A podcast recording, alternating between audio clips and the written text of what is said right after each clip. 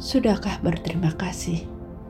Tidak hanya berterima kasih pada Tuhan atas pengalaman pada hari ini, bersyukur atas rezeki atau kesuksesan pada hari ini, namun sudahkah berterima kasih untuk waktu kita berhasil menepati janji, waktu kita mandi dan membersihkan diri, saat kita taat untuk beribadah, saat kita hidup dengan pola yang sehat saat kita mampu mengendalikan ego, kala kita ingat untuk berdoa, kala kita bisa memaafkan.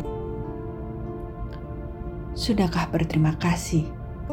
Bukan, bukan kepada orang lain. Tidak, tidak hanya kepada Tuhan. Nope, bukan ke sesuatu. Kita perlu dan butuh berterima kasih pada diri kita sendiri sebagai penghargaan dan pengingat bahwa apa yang kita lakukan adalah hal yang sangat bernilai, serta diri kita adalah seseorang yang pantas untuk dihargai dan untuk diberikan apresiasi tulus. Selain itu, kita akan dapat menciptakan ikatan yang erat dan membentuk kepercayaan pada diri sendiri yang tidak kalah penting, berterima kasih pada diri sendiri juga dapat meningkatkan kepercayaan pada diri.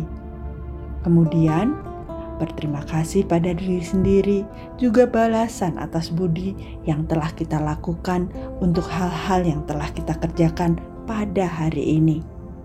Sahabat, sudahkah berterima kasih pada diri sendiri? Berterima kasihlah karena sejatinya bahagia dan kedamaian berawal dari menghargai diri sendiri. Saya Oktorina Basusyanti. How, How to handle, to handle them. Tips sharing for caring bersama Oktorina Basusyanti, founder Hati-Hati, seni mempengaruhi otak dengan sentuhan tangan, mata, suara, dan cinta.